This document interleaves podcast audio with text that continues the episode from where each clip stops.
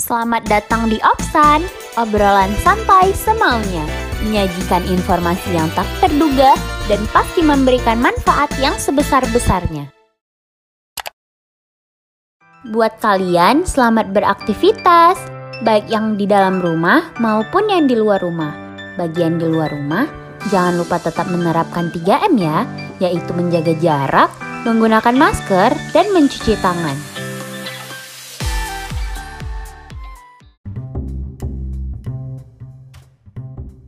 Tak kenal maka tak sayang, tak sayang maka tak cinta. Hihihi, bercanda deh. Kita kenalan dulu yuk. Nama saya Lulu. Di sini saya sebagai pembawa acara Opsan alias obrolan santai.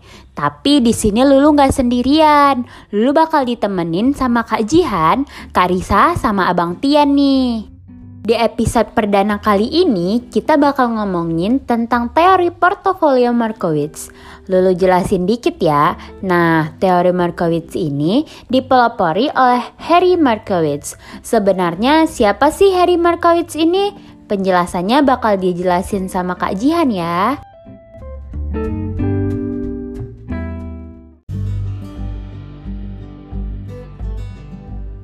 Menurut artikel atau media online lainnya, sosok Harry Markowitz merupakan seorang pakar dalam bidang manajemen investasi.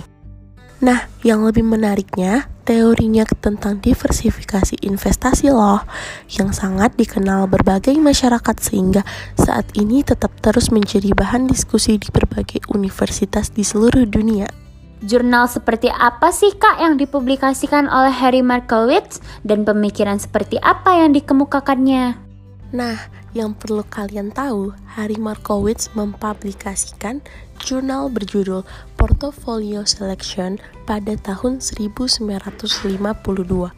Dilihat dari Markowitz, Portfolio Selection di Journal of Finance 7 pada halaman 77 sampai dengan 91. Pemikiran yang telah dikemukakan oleh Harry Markowitz mampu memberikan masukan kepada kita semua tentang pemilihan portofolio. Dengan kata lain, Markowitz telah memberi sebuah wacana pemikiran kepada kita semua tentang bagaimana memahami portofolio pada berbagai sumber instrumen pendekatan yang dapat dijadikan bahan pertimbangan. Dari yang Lulu tahu nih kak, ada tiga keputusan investor dalam pengambilan keputusan yang dipengaruhi oleh perilaku pasar yang sedang terjadi serta karakteristik yang dimiliki oleh investor. Boleh dijelasin nggak kak? Nah, terdapat tiga keputusan investor dalam mengambil keputusan yang dipengaruhi oleh perilaku pasar nih.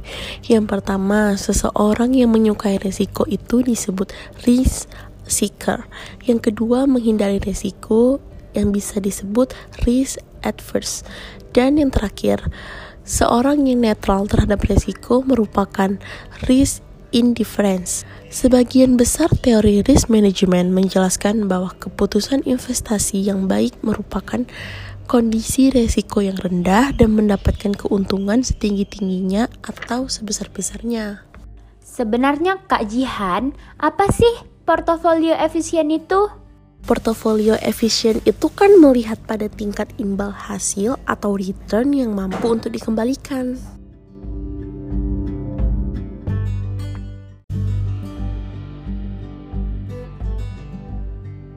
Kali ini Lulu bakal nanya ke Kak Risa ya. Apa aja sih Kak asumsi-asumsi dalam teori Markowitz menurut Jogianto dan Tandelin? Jadi, kalau menurut Jagianto itu terdapat empat asumsi dalam teori Markowitz. Yang pertama, waktu digunakan hanya satu periode. Yang kedua, tidak ada biaya transaksi. Yang ketiga, preferensi investor hanya berdasarkan pada ekspektasi imbal hasil dan resiko dari portofolio. Dan yang terakhir adalah tidak ada pinjaman dan simpanan beban risiko. Maka dari itu, model ini disebut dengan mean variance model, di mana mean artinya ekspektasi imbal hasil yang banyak dihitung dengan cara rata-rata dan variance adalah pengukur resiko yang digunakan. Sedangkan menurut Tendelin, pada dasarnya teori portofolio model Markowitz didasari oleh beberapa asumsi. Yang pertama, periode investasi tunggal. Misalnya satu tahun, yang kedua tidak ada biaya transaksi, dan yang kedua, preferensi investor hanya berdasarkan pada email hasil yang diharapkan dan risiko. Hmm, sebenarnya kak, ada nggak sih kelebihan dan kekurangan dari teori ini? Jelasin ya kak Risa. Nah, kalau kelebihan dari teori portofolio Markowitz itu, yang pertama, kajian yang telah dilakukan oleh Markowitz merupakan suatu titik awal dalam kajian pemilihan portofolio yang mempergunakan analisis ilmiah dan modern, kemudian dikembangkan oleh sejumlah peneliti lainnya. Yang kedua, Markowitz memberikan suatu kemudahan dalam memahami kedekatan hubungan antara imbal hasil yang diharapkan dan risiko portofolio, serta tidak mengesampingkan analisis pada segi portofolio efisien.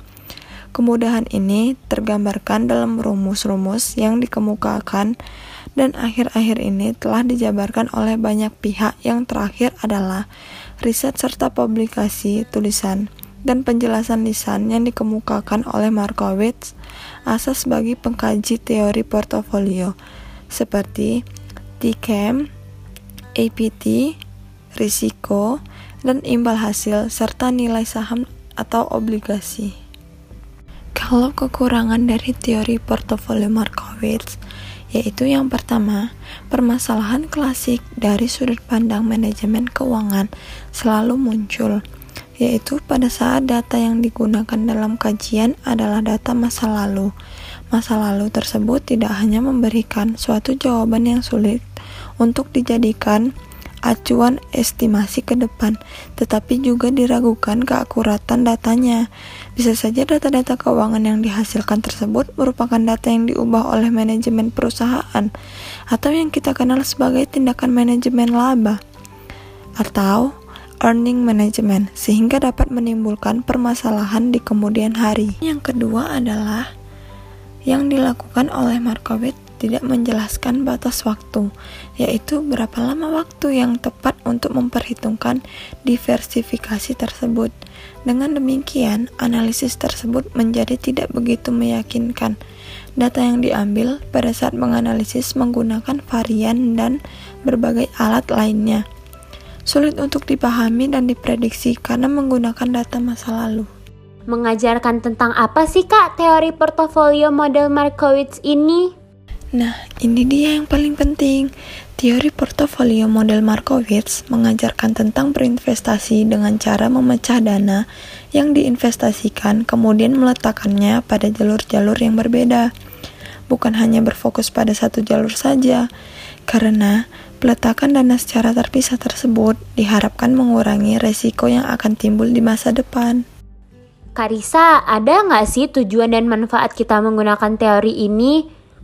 Hmm, kalau dilihat-lihat tujuan dari model Markowitz ini menghasilkan portofolio yang optimal, yaitu portofolio yang mampu memberikan ekspektasi return maksimal dengan risiko tertentu atau sebaliknya, memiliki risiko minimal dengan ekspektasi return tertentu.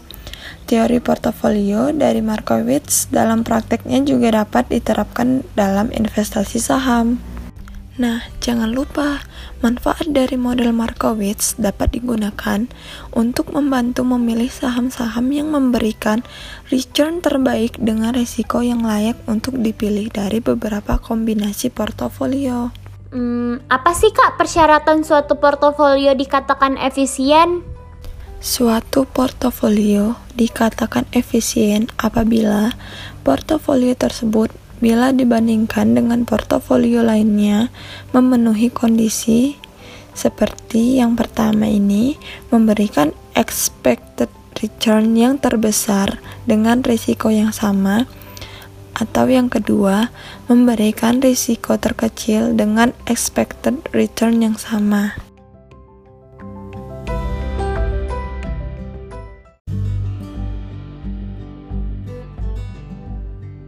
Nah, untuk meningkatkan pemahaman kalian tentang teori ini, ada Bang Tian yang bakal ngasih contoh kasus teori portofolio Markowitz ini. Kepada Bang Tian, Lulu persilahkan. Pembentukan portofolio optimal menggunakan metode Markowitz dan dilakukan pada saham sektor perbankan yang terdaftar di Bursa Efek Indonesia periode Juli 2011 sampai dengan Juli 2012. Eh, data ini diperoleh dari situs resmi Bursa Efek Indonesia yaitu www.idx.co.id. Eh, pada tabel 1 ini dapat kita lihat ada kode, nama emiten, dan nilai price earning ratio pada perusahaan sektor perbankan yang terdaftar di Bursa Indonesia periode 2011 sampai dengan 2012. Hmm, model ini dipilih berdasarkan metode purposive sampling dengan mempertimbangkan kriteria-kriteria antara lain perusahaan perbankan masih terdaftar dan telah mempublikasikan laporan keuangannya pada periode Juli 2011 sampai dengan Juli 2012 dan perusahaan tersebut memiliki nilai per price earning ratio yang tinggi. Uh, metode pengumpulannya ini menggunakan metode observasi uh, analisis portofolio optimal dilakukan dengan mendasarkan perhitungan pada model Markowitz di mana langkah-langkah yang harus ditempuh antara lain yang pertama menghitung return saham dari masing-masing sampel saham perusahaan sektor perbankan yang dinyatakan dalam satuan persen yang kedua, menghitung expected return menggunakan dengan mengumpulkan masing-masing sampel. Yang ketiga, menghitung varian masing-masing saham. Yang keempat, mencari nilai kovarian antara dua buah saham dalam portofolio menggunakan formulasi. Dan yang kelima, menghitung expected return portofolio yang terbentuk dengan formula. Yang keenam, varian portofolio dihitung menggunakan formula. Dan yang ketujuh, menghitung proporsi investasi. Yang kedelapan, menghitung expected return portfolio optimal. Yang kesembilan, menentukan varian portofolio optimal menggunakan rumus yang sama dengan perhitungan varian portofolio, namun dengan tambahan penggunaan proporsi akhir atau bawah yang telah dihitung sebelumnya dengan formulasi. Apabila sebuah lang semua langkah-langkah telah dilakukan dengan benar, maka diperoleh portofolio optimal yang terdiri dari saham-saham potensial. Portofolio optimal akan terdiri dari hasil yang ditunjukkan oleh perhitungan proporsi investasi pada masing-masing saham. Jumlah saham pada portofolio optimal dapat berbeda dengan jumlah saham pada portofolio efisiennya. Hmm, dapat kita lihat bahwa expected return saham per tahun, eh, perhitungan expected return memiliki andil yang cukup besar dalam menentukan saham-saham mana yang dipandang layak mendapat alokasi dana. Uh, yang kedua itu varian saham. Varian saham adalah penyimpangan yang mungkin terjadi antara tingkat pengembalian saham dengan rata-rata pengembalian saham selama periode penelitian. Uh, yang ketiga, kovarian antara dua buah return saham.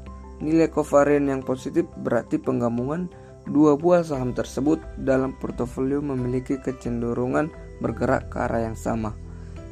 Selanjutnya, expected return portofolio dan varian portofolio dengan proporsi yang sama. Bobot atau proporsi dana pada portofolio awal menggunakan asumsi bahwa keseluruhan dana dibagi secara proporsional untuk masing-masing saham, sehingga setiap saham mendapat alokasi dana sebesar 6,67%. Yang terakhir ada pembentukan portofolio optimal. Portofolio optimal dibentuk dengan menggunakan aplikasi program solver yang terdapat dalam Microsoft Excel. Eh, perhitungan menggunakan program ini memperlihatkan proporsi dana akhir yang layak dialokasikan pada masing-masing saham. Hasil perhitungan ini dapat kita lihat pada tabel 2 di mana proporsi dana awal dan dana pro, proporsi dan akhir investasi pada portofolio optimal saham perbankan periode Juli 2011 sampai dengan Juli 2012. Uh, eh, selanjutnya ada expected return portfolio optimal dan variance portfolio. Uh, dapat kita lihat bahwa nilai expected return portfolio dari 5 saham anggota portofolio optimal dapat kita lihat di tabel yang ketiga.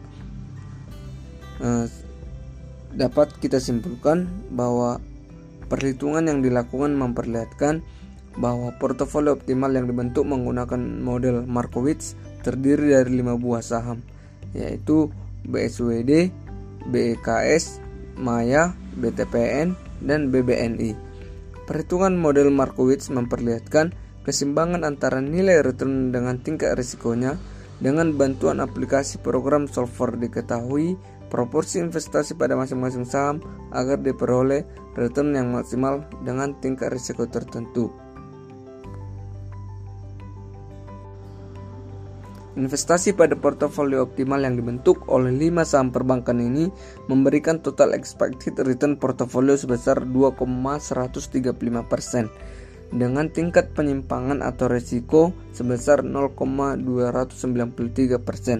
Jelas terlihat perbedaan antara investasi pada portofolio yang menggunakan proporsi dana sama untuk masing-masing sahamnya dengan investasi pada portofolio optimal. Investasi di portofolio optimal memberikan tingkat expected return yang lebih besar dan tingkat risiko yang harus ditanggung lebih kecil dibandingkan dengan portofolio proporsi dana sama.